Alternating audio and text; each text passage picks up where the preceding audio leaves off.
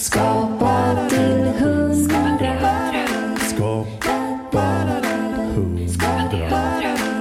Skapa till Men du och Johan, hur träffades ni? Vi träffades i sjuan redan. Ja, gick ni i samma klass? Eller? Nej, vi gick i parallellklasser i, på några Fälaren i Lund. Fällarsgården. Hur föll ni för varandra? Jo, jag hörde talas om en kille. Vi, dels så var vi fem stycken eh, i Joels längd. All, Över 1,90 i alla fall. Fem stycken personer över 1,90. Och vi såg varandra ovanför skåp, skåpen. Ja, Så vi var fem personer. Hallå. Så stod någon där borta. Så vi var bara fem. Och Johan och jag var två av dem. Men sen hörde jag talas om att Johan, vid varje rast så försökte Johan kasta in sin nyckel i, nyckel i sitt skåp. Alltså så att den skulle sätta sig i låsen. Det lyckades han aldrig med. Men jag tyckte det var en ganska rolig idé. Att någon gång kanske det lyckas. Man vet inte om jag sätter den exakt. Så då började vi snacka och sen var det ju skolrevyer där vi fördes ihop av vår musiklärare Ulla som var en fantastisk person. Så att hon hjälpte oss. Ni kan skriva, ni är roliga båda två, skriv någonting. Och sen blev det ju, är det någon som vill skriva någonting om det? Och Johan och jag, ja vi kan skriva det också. Så vi skrev ju skitmycket. Eh, så vi lärde oss via revyer liksom i sjuan och åttan och sen så eh, fortsatte vi liksom i spex. Men sen började vi umgås eh, privat mer och mer och liksom lärde känna varandra. Så det är en person som är som min bror. Alltså Ja. verkligen. Vi har så mycket gemensamt, så mycket referenser och vi har sett så mycket grejer och gjort så många grejer. Så att vi har ju liksom en, vi är som två musketörer när man liksom ska försvara sig mot producenter och, Mm, och beställare. Så att de, de kommer aldrig igenom. Vi står med ryggen mot varandra och värjan utåt. Så att, eh, det nu har vi inte jobbat ihop på ett tag. Nej. Men eh, vi funderar på att göra det igen. Så att, Men i Lund, pluggade ni där tillsammans? Ja, men jag Eller bara börjar- jag spexade börjar- ni bara? jag läste lite dramateaterfilm men jag kände att det är så teoretiskt. Jag vill ju göra film, jag vill skriva, jag vill liksom, nu sitter vi bara och analyserar den andalusiska hunden. Och medan alla satt och antecknade så satt jag och skrattade ihjäl mig för de filmerna är ju fruktansvärt roliga. Ja. Salvador Dalí och Buñuel och de här, de är otroligt skojiga filmer. Och dessutom så alla böckerna, de hade jag redan. Alltså de böckerna, för jag har alltid varit filmintresserad. Ja. Ehm, så jag kände att, nej men kanske inte universitetet är någonting för mig. Nej. Men däremot så började jag spexa då, tack vare Johan drog med mig in i Lundaspexarna. Um, och Ja, där, men- där börjar man ju liksom som är, man spelar typ Mongol 3 i uh, Ingis Khan eller så spelar man Munken i Bonifatius. Men sen sakta men säkert så började Johan och jag skriva spex. Och Johan regisserade. Så att, eh, och då gör man så att då skriver man ett nytt spex på hösten och sen sätter man upp ett gammalt spex på våren. Men man eh, bearbetar det gamla. Och det var ett otroligt bra sätt att lära sig skriva och stå på scen och vara rolig. För vi visste om, vi har ju en fast publik. Ja, De kommer oavsett vad fan det är. Och det är ju fantastiskt. Och så kör man liksom 12 föreställningar på en helg i slutet på november. Och sen gör man samma sak på våren. Och då när man skrev ett nytt, då, då fick vi ju hitta på. Och leta låtar och skriva låttexter och liksom sätta ihop det här. Men sen när man skrev om, då ta till exempel Harakiri som är ett spex om då Japan från 1908 eller så här. Oj. När man läser originalet, sen kan man läsa alla uppsättningar som har gjorts. För Harakiri görs kanske så här var sjunde år eller var femte år. Okej. Ja men man har liksom vissa, vissa spex ska man sätta upp liksom, eh, med jämna mellanrum. Läser man en gammal version av, eller en eh, nyare version av Harakiri så skiljer den sig ganska mycket. Så vi gick tillbaka till the original. 1908. Och där fanns ganska mycket kul som hade försvunnit längs vägen. Sådär. Så vi skrev om originalet men la till en massa nya låtar och lite sådär. Och det lär man sig otroligt mycket på också. Liksom en adaptation. Exakt. Där det finns ett grundmaterial men nu ska du göra om det och göra det till någonting nytt men ändå bibehålla känslan. Sådär. Så att, och den, det var liksom som att skriva en ny bok och sen skrev man om någon annans bok. Sen skrev man en ny bok. Man remixar det helt Ja men verkligen, Ja, verkligen som en eh, remix. Så var det. Och det, det sättet att utveckla sin egen humor det var ganska lärorikt nu när man tittar tillbaka på det. Att det var en ganska bra form. Liksom. Framförallt så lärde vi oss skriva, hitta på skämt och sen stå på scen och improvisera. För om man gör någonting bra i Lundaspex på scen då vill publiken ha en ny variant. Ah, just det. Och då skriker man en gång till publiken och då kan man inte säga samma sak. Ja det kan man göra kanske de två första gångerna men får man ytterligare en gång till då måste man börja variera sig lite. Så Vadå, att då det, måste man improvisera en låt typ? nej eller? kanske inte Eh, en låt men typ om det är en situation eller ett Ah, möte. okej. Eller det blir ett jättegarv och så följs det av en applåd och så vill de se det igen. Jaha. Mm. Och då tar vi det igen. Men nu kanske vi gör någonting annat. Eller sådär. Så att det där det är väldigt lärorikt. Och i och med att vi hade en prenumerantpublik Ja. som kom oavsett så var det också ganska tryggt på något sätt. Det blev lite massproduktion på något sätt. Du fick ju testa otroligt mycket kan jag tänka mig. Ja men verkligen. Skämt och ja, men vad som absolut, funkar. verkligen. Och, eh, och sen att läsa på. Jag menar ett av de spexen som jag tycker blev de bästa. Vi gjorde ett spex om Peter den store. Eh, Och då var man ju tvungen att läsa på om Peter den store och sen försöka hitta, för vi vill ju att det ska vara någorlunda historiskt korrekt. Och Peter, det visade sig att Peter den store var den första tsaren som var utanför Rysslands gränser. Och han jobbade inkognito i Holland som snickare. Han hade ju säkert 20 stycken spetsnaz poliser med sig. Som också då jobbade som snickare. Så man kan tänka sig hur det jävla huset blev. När de sitter där och en, ingen utbildning men håller koll på Peter. Och det, det roliga var med att skriva spex att det var Ibland körde vi skämt som alla skrattade åt. Men ibland så gjorde vi referenser som en skrattade åt. Och det fanns en glädje i båda. För liksom, vi gjorde ett skämt till exempel i Peter den store. Då skickar Peter, för det, detta hände på riktigt. De införde skäggskatt i Ryssland. Mhm. Så att folk som hade skägg var tvungna att betala skatt och så fick de en gul stjärna på bröstet. Någonting som vi mm, sen eh, användes på ett annat sätt längre fram i historien. Men de markerades med gula stjärnor och att jag betalat min skäggskatt. Jag betalat för detta skägget. Men de som inte hade råd var tvungna att raka sig.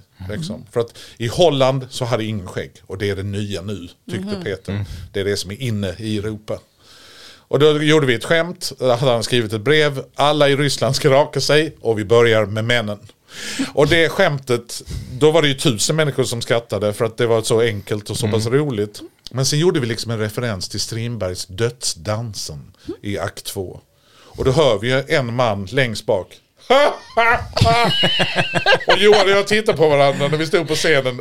Yes! Där var en person som hade läst Som hade läst den, ja. 9000 poäng litteraturvetenskap. och han uppskattade den lilla hyllningen till Strindberg. På något sätt. Så att det, nej, men det var en jättefin skola. Och sådär.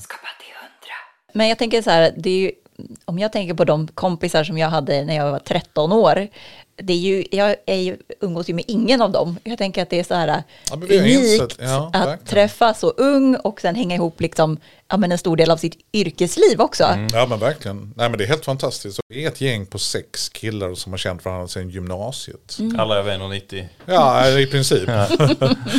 vi åker iväg någon gång varje år. Nu ska vi åka till Berlin i början på maj. Och gör supernördiga grejer som man inte kan motiveras till sin familj. Och sen åker vi till en sommarstuga i Åhus en gång om året. Spelar brädspel i fyra dagar i sträck. Så att vi, vi umgås fortfarande. Och, det, Ja. det, fint. och WhatsApp-grupp och lite så. Och det, våra fruar och respektive säger det. Det är fantastiskt. Du skriver god morgon till dina kompisar. Vad ska ni göra idag? Typ. Nästan varje dag. Ja. Även om det bara är på WhatsApp. Liksom. Ja. Och det tänker man inte på när man har det. Precis, men har det varit eh, viktigt för er eh, så här, professionella relation också, att ni har så mycket referenser eller historia eller så? Eller är det, annat, är det något annat som har gjort att ni klickat så bra och så kreativt som jobbhjärnor liksom Ja, men jag tror att Johan och jag, vi är både jättelika Ja. ehm, i kreativitet och liksom allmänbildning och snabba i huvudet. Sådär. Men vi är också ganska olika som personer. När, vi ute och re- när Johan och jag är ute och reser, eller reste framförallt, nu har vi inte umgått så mycket de senaste åren. Men när vi var i London, det var som ett sharia-äktenskap. Jag gick alltid tre meter framför Johan. För jag, Oj. jag, hade lite, jag går lite fortare än Johan. Jag tar in saker snabbare. Ska vi göra detta nu? Ska vi, gör vi det nu? Vi fattar beslut. Johan är, "Vä- vänta lite, kan vi inte bara, vänt, kan vi vänta bara lite en stund så jag hinner tänka. Så Johan är lite långsammare än vad jag är. Eh, på gott och ont, såklart. och jag springer gärna framåt utan att tänka mig för Ja. jättemycket. Och den kombinationen av eh, spjutspets och analytiker på något sätt. Har, och sen vi är inte utpräglade åt något håll. Jag är också en ganska god analytiker och Johan är också en spjutspets. Men jag tror att vi kompletterar varandra på ett bra sätt. Som ett bra anfallspar i fotboll. Ja, men exakt. Jag tror att hippie, framgången med hippie var just att Johan och jag kompletterar varandra så pass bra. Ja. Liksom. Eh, Och drog åt lite olika håll och var bra på lite olika saker. Liksom. Så att Johan var ju liksom mer producent, författare, skådis. Och jag var mer liksom skriva, hitta på, vara rolig, skådis, redigering. Typ sådär.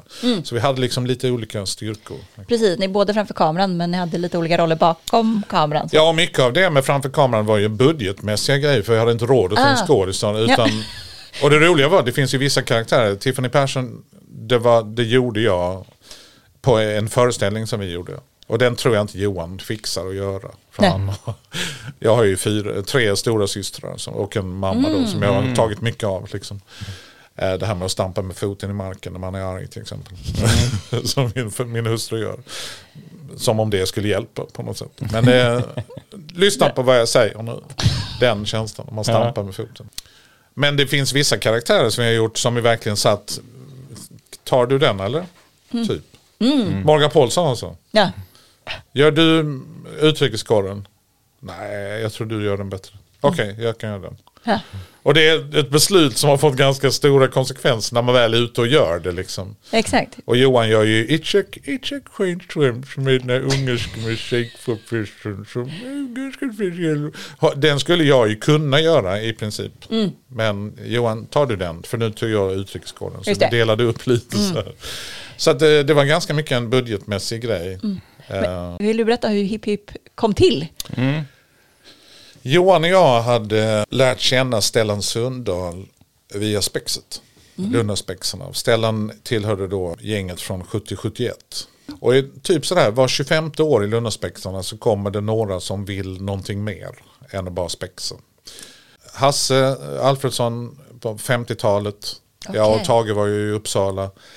Johan och jag, det, det känns lite som att ja, men vi vill detta men vi kommer inte jobba som jurister utan vi kommer jobba som underhållare och komiker.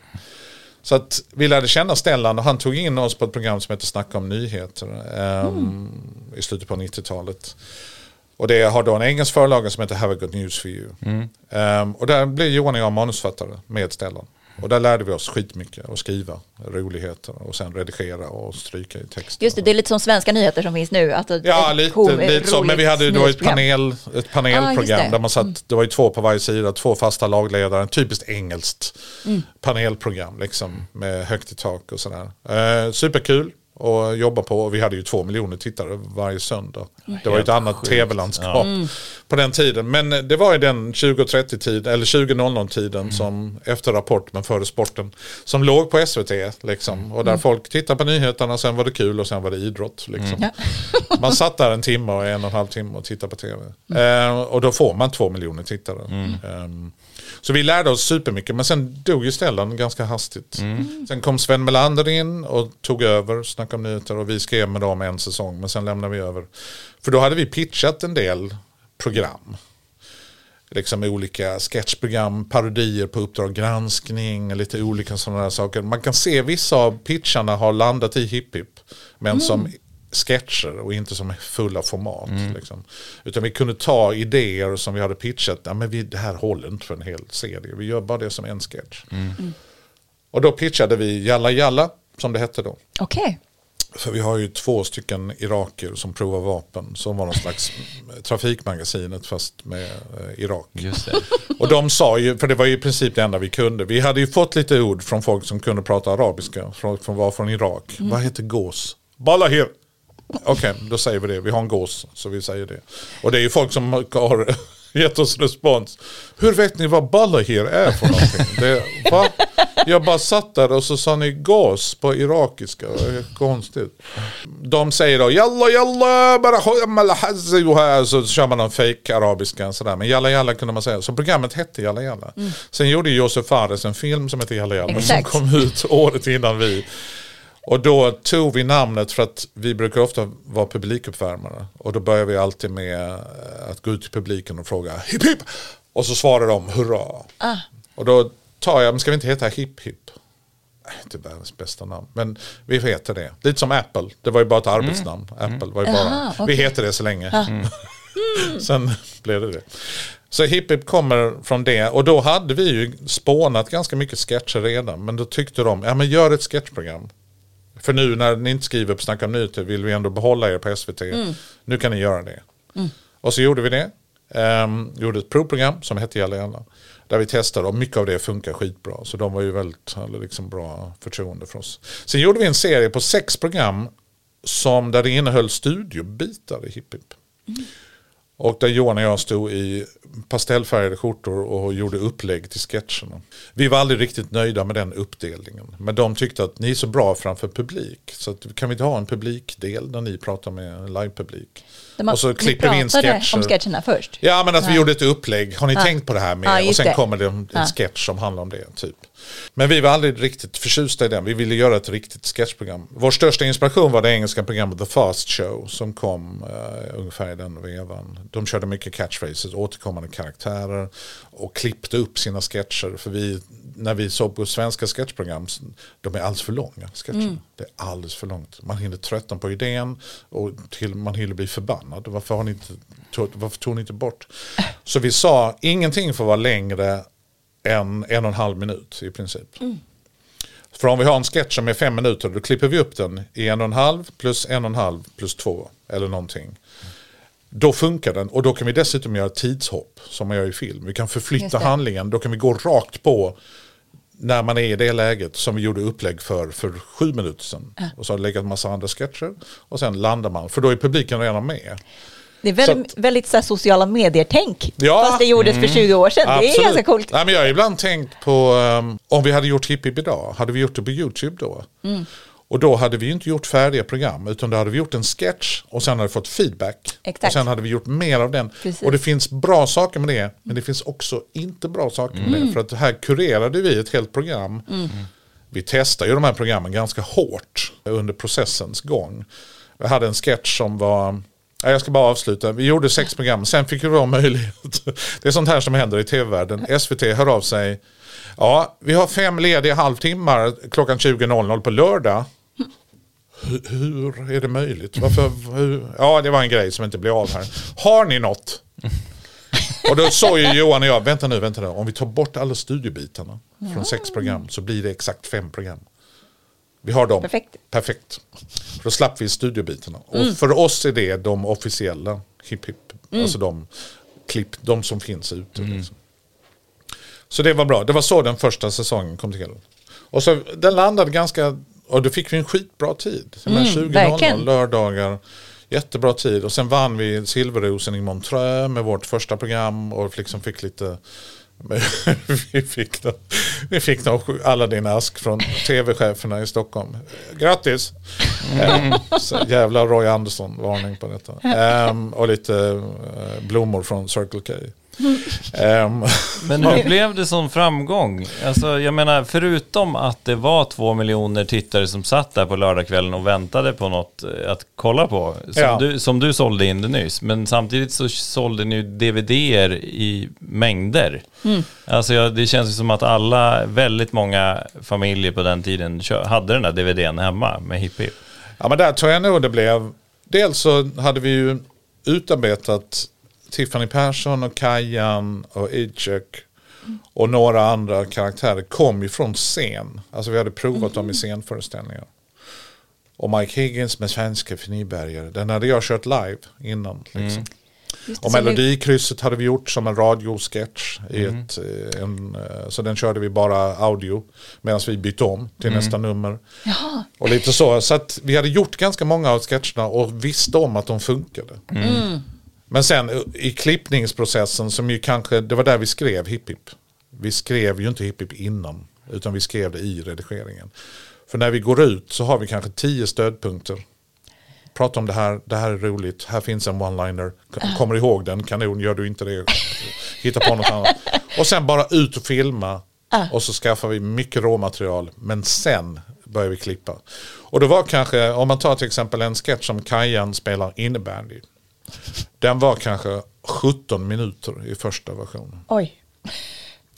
Och då visar vi den för ehm, vad det nu var i SVTs lilla bio. Där vi, och då hade vi satt upp en kamera som filmade publiken och skärmen. Eh, och så hörde vi på reaktionerna och såg reaktionerna. Eh, så visade vi 17 minuter och sen så tittade vi på den. Där, bra, stort skratt. Där var ett stort skratt. Där var ett lagom, det var kul. Och den kan man binda ihop med den. Det här kan vi ta bort. Och så satt vi så. Så visade vi en ny version och den var nio minuter. Då visade vi den, gjorde samma sak. Och sen gjorde vi en ny version som var fem minuter. Sen gjorde vi en ny version som var 4.33. Sen en ny version som var 4.70. Så att vi var extremt sådär strukturerade i hur vi testade material. Liksom. Men det ser ju, jag ser just den sketchen att, eh, framför mig att den känns ju väldigt improviserad. Ja. ja men det var väldigt improviserad. Men jag, lite som vi har också som jag har lärt mig, Judd Apatow, ni vet eh, humorproducenten. Och, ja, som har gjort eh, 40 Year Old Virgin och Superbad, alla de här filmerna. Amerikanska komedierna, Knocked Up och alla de här. Han, eh, han sitter ju och regisserar bredvid kameran. Om det är någon som sitter, det sitter en komiker i en scen och får en lapdance eller någonting. Då sitter ju han, säger något om nötter eller någonting. Och så sitter, så sitter komikern och hör det. Och så improviserar han någonting. Ja men säg någonting, ja, men du, du som gör lapdansen, kan du vara ännu mer utmanande? Och nu måste du reagera på det. Kör! Och så rullar kameran. Ja. Så han sitter och matar idéer. Och det var så vi jobbade på Hippie. Ja, det var det. Johan var framför kameran. Tackla, tack, tackla den jobbiga killen någon gång. Rickard, är du med? Vår fotograf som var så jävla duktig. Är du med? Ja, jag är med. Spring inte på mig. Rickard var ute på innebandybanan och filmen. Det var livsfarligt. Men Johan kommer tackla honom nu. Ja men okej, men vänta lite. Ta, är du med att du kan slänga dig över sargen här? Frågar statisten. Ja, ja, det är lugnt, det är lugnt, det är, det är lugnt. Och Johan tacklar honom. Satan vad han flög. Och det, då visste vi om, då får vi den roliga. Ja. Och sen tar vi Johan när han står och pratar med byte, byte, han vill hela tiden bli inbytt. Och liksom. Så att vi, vi, hade ju liksom spånat fram olika eh, s- situationer, innebandysituationer som, vi, som vi ville få. Och just det här när man gör mål, ja då är vi klara när Johan är här kajade då. Och allt detta är baserat på en kompis som vi har spelat innebandy med. För att, Ja. Han spelar precis som Kajan. Så att, eh, det var liksom improviserat med ett stöd bakom kameran och idéer som man skjuter in och någon typ av stödmanus. Vi vet var scenen är på väg. Och vi vet var konflikten ligger. Men allt annat kan vi skoja fram. Eller om vi tänker på något eller börjar skratta eller gör ingenting. Kör. Men sen skrev vi den i redigeringen. Just det. Ehm, och det var där vi formade programmet. Liksom. Ja. Men de här alla karaktärerna, det känns som att det är på något sätt ankaret, liksom att man lär känna Tiffany Persson liksom till exempel. Absolut. Och Sen kan hon göra vad som helst. Sen är hon på apoteket Ja, en ja, gång och en gång är hon på Det är som liksom. en barnbok. Ja, ja, men lite så. Max bil och Max balja och Totte bakar. Och liksom. ja. men det är ju att man lär känna en karaktär. Och det, om man nu tittar på filmer idag som har åtta sequels. Och, där Man lär känna, går man igång på Indiana Jones eller på Star Wars. Eller, ja, men vi vill se dem i flera olika miljöer. Men vi hade ju väldigt tydligt satt upp liksom, vilka är med i alla avsnitt. Okej. Tiffany, Kajan, det kanske bara dem. Ja. Och kanske Melodikrysset, en i varje. Sådär. Men okej, vilka är med i de första tre avsnitten? Det är de här. Och sen är, är det nya tre i de sista tre avsnitten. Vilka är med i två avsnitt? Ja men det är de och de. Är det ettan och tvåan eller är det ettan och fyran? Ja, vi flyttar lite post-it-lappar. Så, här, så att vi, vi var ju väldigt, vi var ju väldigt grundliga i liksom hela Ja, vårt sätt att sätta ihop. Ja, men absolut. Men sen måste man ändå titta på det. Funkar detta? Ja, men om vi tar bort den, vad händer om vi tar bort hela den sketchen? Och så tittar vi, och vad händer då? Ja, man saknar inte den. Utan vi spar den till ett annat program. Liksom. Eh, det blir bättre fart om vi går rakt därifrån till dit. Och sen så visar vi den för publik. Med, vi hade 300 personer i studion, mickade allihopa i princip. Okej. Skit många mickar hade vi. Bara för att få det där bra skrattet som hjälper tv-publiken i soffan. Ja, just det, som läggs på i, serien. Bak, alltså inspelat skratt. Nej, Nej. utan detta var ju, ja det är ju inspelat men det skedde ju live. Ja, ja, men jag menar, det var inte för att ni skulle analysera den här gången, utan det var Nej. till att det skulle vara i Precis, serien. Liksom. precis. För vi, vi kände att det finns, man kan ha inte skatt men man kan också, men Hipp Hipp är en- den typen av program. Och det var inspirerad av många engelska sketchprogram på 80 80-talet och 90-talet. Att det var skratt på dem. Och det var roligt att se Pang i bygget. För jag visste om att det sitter andra och skrattar. Hur många hade ni i studion sa du som skrattade? Alltså vi hade kanske, vi hade ju då, det här är också ganska roligt. Vi lämnade in ett manus som var en tjock perm den första juni. eh, Det året vi skulle göra Hipp Hipp. För att vi hade fått en deadline första juni. Nu jävlar ska vi hålla den. Vi lämnar in det, här är vårt manus. Vi var så nöjda. Och så visade det sig att det är ingen som har tittat på den. Första september. ja, vi har inte hunnit. Men vad fan, då hade vi kunnat jobba jättemycket mer med det om ni Ja. hade sagt att vi kommer inte titta på detta i sommar. Och då fick Johan och jag, okej, ehm, finns det inte några, har ni några böcker typ från BBC? Ja, vi har lite gamla manualer från BBC från 70-talet. Ja, vi- får vi titta i dem? Och då mycket riktigt står How to do a comedy show, typ sådär. Oj, okej. Ja, när jag är live, minst 300 i publiken. Okej, då skriver vi ner det. Och liksom, vi lärde oss ganska mycket av dem. Tre minuter material per dag. Försök snitta det. Okej, bra tips. Ehm, för då visste vi, då hade vi en tidsbudget. Tiffany hon ger nio minuter per dag för att hon pratar så mycket och det blir så mycket material. Men så har vi vissa sketcher som är jättedyra tidsmässigt för det kostar mycket att göra dem men vi får bara ut 20 sekunder.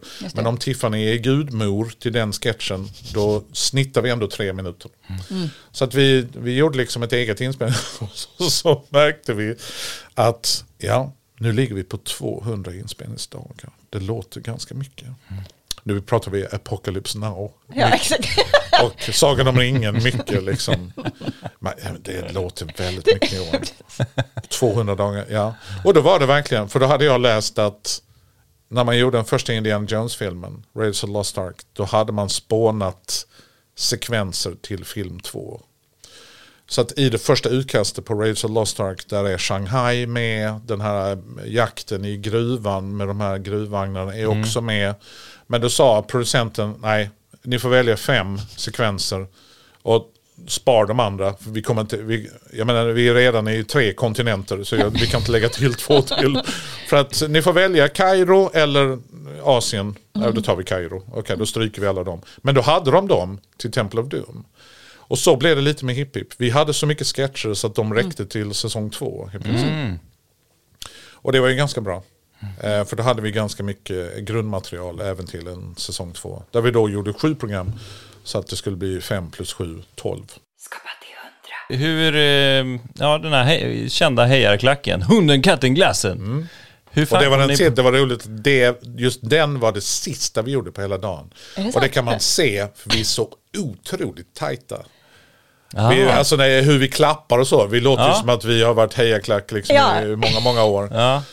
Nej, men den, det var en idé som... Vissa idéer är färdiga.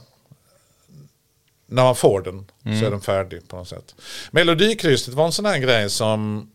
När Johan och jag satt mitt emot varandra och skrev och hade kontor och lyssnade på radion. Och så slutade då en låt. Och då började jag alltid... Ja, det där var Eric Clapton. Lite närmare micken. Vi lyssnade till Eric Clapton med, um, som ju blir narkoleptic eh, på anagram. Ehm, då körde jag typ två fraser eh, i avslutningen på låten och sen fyllde Johan i. Och sen fyllde jag i. Så satt vi sådär, vi satt och skrev och så bara pratade vi högt. liksom. Ja. Så den föddes liksom ur där. Men hejaklacken föddes, jag kom bara på, det vore ganska kul att liksom följa en hejaklack även i vardagen. Så här. Ja. Och den idén är färdig där. Sen ska man bara hitta roliga exempel.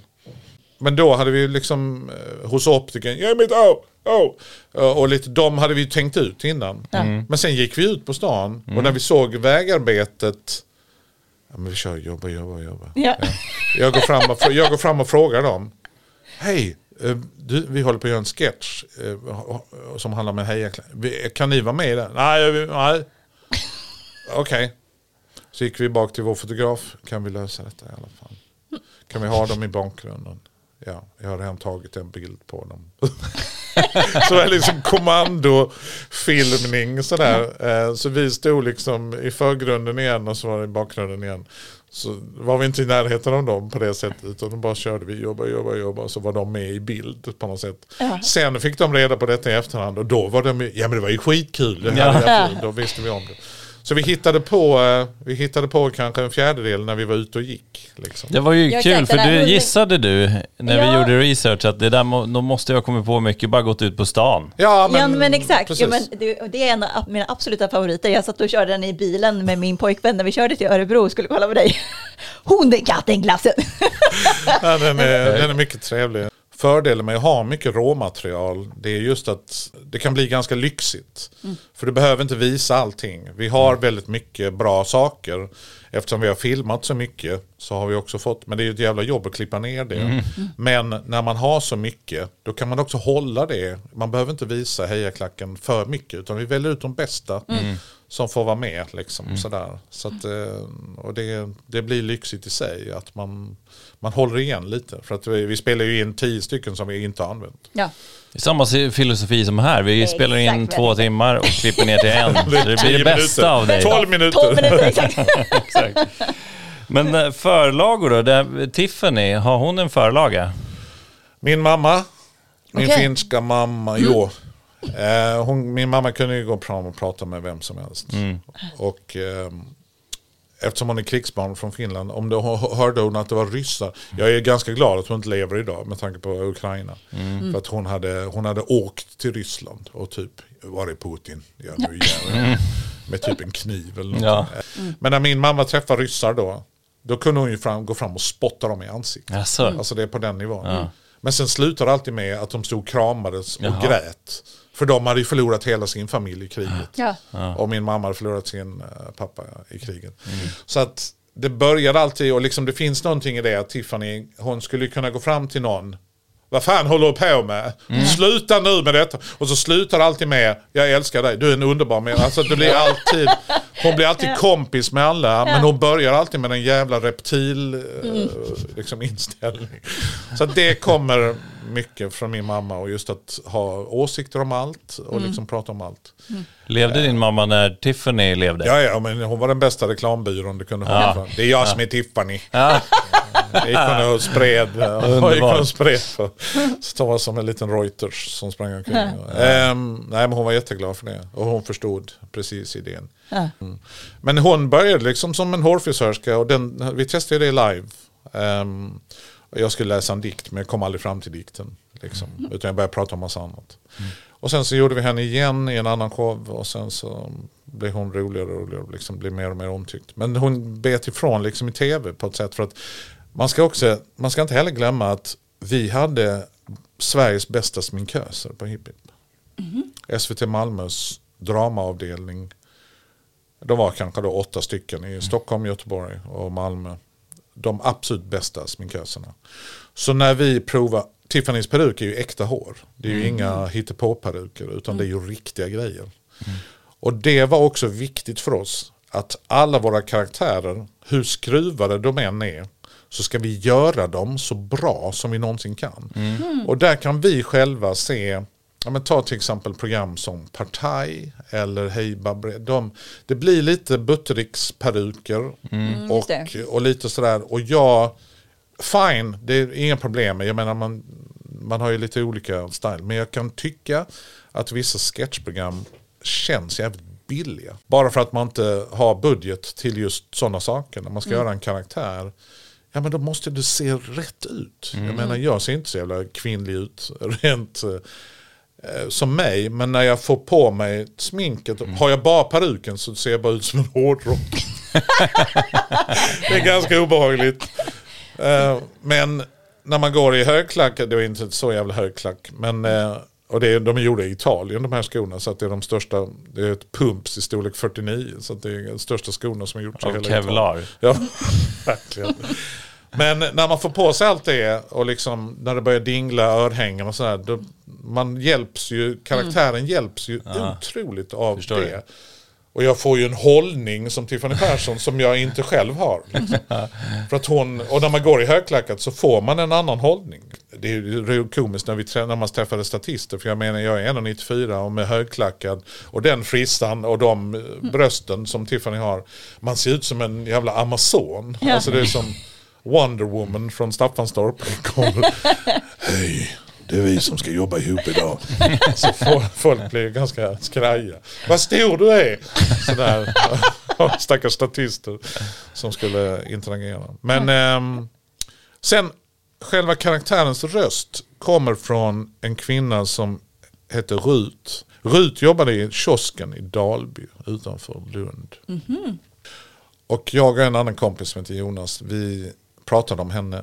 För att vad man än sa till Rut i kiosken, det kan vara hej, jag vill ha en påse bilar. Eller ja, eh, en i min familj har fått cancer.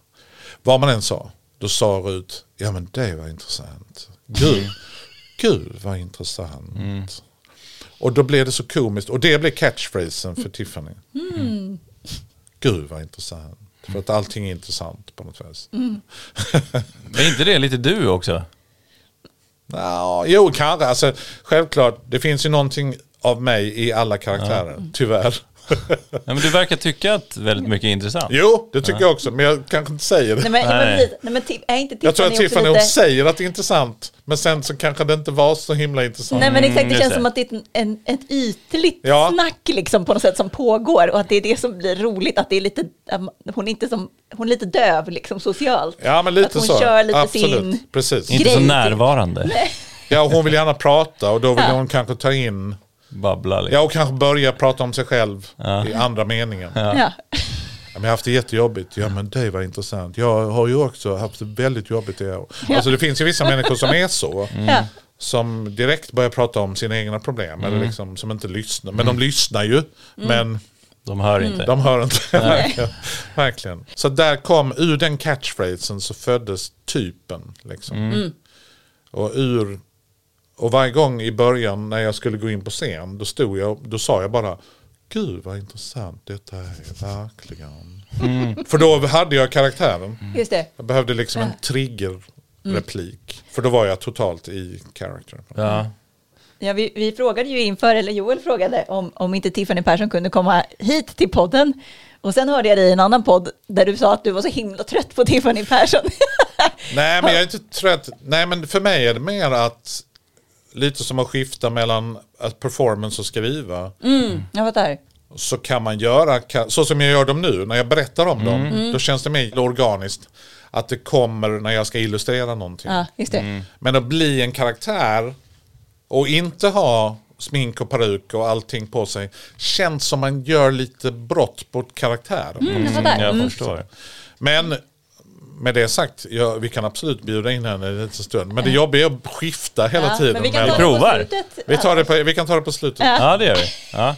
Men jag, kan, jag ansvarar inte för vad hon säger. Nej, nej, nej. Nej. Så jag, då lämnar Anders Ja, men det- Då rummet. lämnar Anders rummet, exakt. Och då får ni skylla er själva.